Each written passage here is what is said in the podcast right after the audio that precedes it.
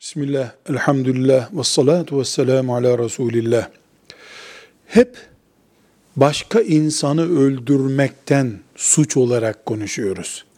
Halbuki insanın kendi canına kıyması da başka bir insanı öldürmek kadar büyük günahtır.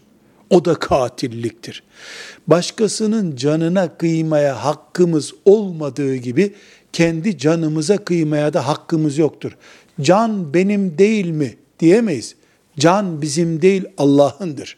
Hiç kimse kendisi canını üretmemiştir. Canı veren Allah'tır. Ondan başkası can alamaz. İntihar eden en büyük günahlardan birisini işlemiştir.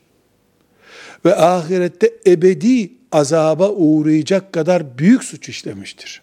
Hadis-i şerifler nasıl intihar teşebbüs ettiyse onun benzeri olan bir ceza ile cehennemde cezalanacak buyurmaktadır. Bu hayat imtihandır. Acısına tatlısına katlanacağız. Uzun kısa demeyeceğiz.